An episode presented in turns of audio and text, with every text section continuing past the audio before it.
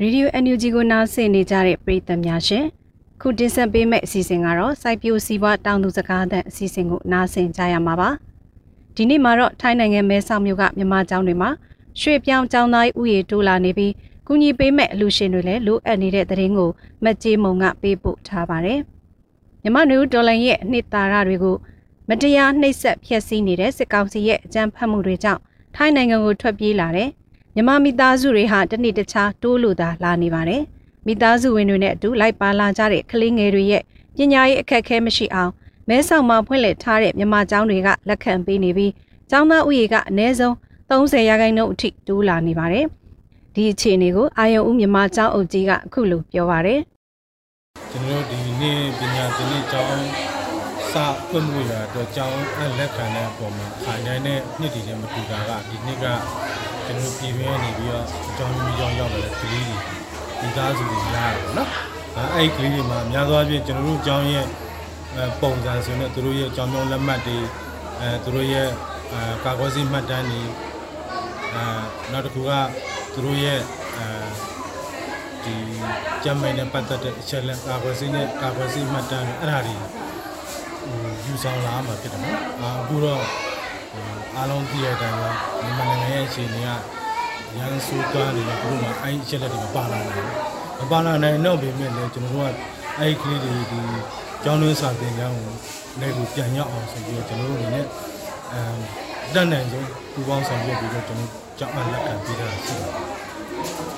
ပြည်ရင်းကနိုင်ငံရေးရည်တည်ချက်ခိုင်မာသူတွေနဲ့အသက်မွေးလုပ်ငန်းခက်ခဲလာသူတွေကထိုင်းနိုင်ငံကိုထွက်ခွာလာခဲ့ကြပြီးရုံးကန်ရက်တည်နေကြရတာဖြစ်ပါတယ် မွန်ပြည်နယ်ကြိုင်မယောမြို့နယ်ကတပ်မွေးလုပ်ငန်းတွေခက်ခဲလာလို့နေရက်ကိုစွန့်ခွာလာသူចောင်းသားမိခင်တူကခုလိုမြန်မာကျောင်းတွေမှာကလေးတွေကိုကျောင်းဆက်ထားနိုင်တာနဲ့ပတ်သက်ပြီးခုလိုပြောပါတယ်ဒီလိုကျောင်းနေစီးတဲ့အဆင်ပြေတာပေါ့နော်ကျွန်တော်တို့အနေနဲ့ကဘာဖြစ်လဲကျောင်းထားလို့လည်းရတယ်မိဘတွေလည်းလောက်ကင်လို့အဆင်ပြေတယ်လေဒီမှာအဲထားလိုက်တဲလေးတစ်လုံးလျှောက်လိုက်နေလို့ရလေတတိယပေးနေရတယ်လေနေနာတယ်ဆိုတော့ကိုကလေးကဒီမှာကျောင်းတက်နေရတယ်နေစားရှိရင်သွားလို့တယ်မရှိနားတာတော့လက်ကစားမှမရှိတာ အလားကတော့သူများလာငါးမှလောက်ရတယ်စပါးဆိုင်ချေတစ်ချက်ပဲရဲချေတစ်ချက်ဒီမှာဒီဂလုကလေးကြတော့နွားဆေးမှာအလုပ်လုပ်တယ်ကျွမ်းနွားလာရင်ရေတိုက်ပေးတယ်သူများငားတယ်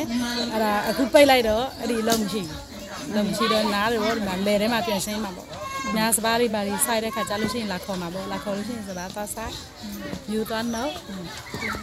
မဲဆောက်ကမြန်မာကျောင်းတွေမှာမြန်မာသင်ရိုးတိုင်းသင်ပေးကြတဲ့အပြင်အခြားသင်ကြားရေးအထောက်အကူပြုဘာသာရပ်တွေကိုလည်းသင်ကြားပေးကြပါတယ်။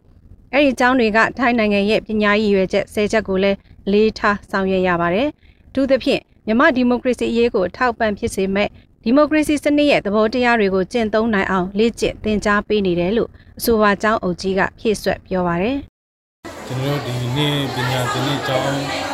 စဖွင့်မှုရတော့ကျောင်းအလက်ခံတဲ့အပေါ်မှာခါတိုင်းနဲ့နှစ်တည်နဲ့မတူတာကဒီနှစ်ကကျွန်တော်ပြည်တွင်းနေပြီးတော့အကြောင်းမျိုးကြောင်းရောက်လာတဲ့ကလေးတွေဒီ သားစုတွေများတယ်ပေါ့နော်အဲအဲ့ကလေးတွေမှာအများသောအားဖြင့်ကျွန်တော်တို့ကျောင်းရဲ့ပုံစံဆိုနေသူတို့ရဲ့ကျောင်းမျိုးလက်မှတ်တွေအဲသူတို့ရဲ့ကာကွယ်ဆေးမှတ်တမ်းတွေအဲနောက်တစ်ခုကသူတို့ရဲ့အဲဒီကျမ်းမိုင်နဲ့ပတ်သက်တဲ့အချက်လက်ကာကွယ်ဆေးနဲ့ကာကွယ်ဆေးမှတ်တမ်းတွေအဲ့ဒါတွေယူဆောင်လာမှာဖြစ်တယ်နော်အခုတော့အားလုံးသိရတဲ့အတိုင်းမြန်မာနိုင်ငံရဲ့အခြေအနေက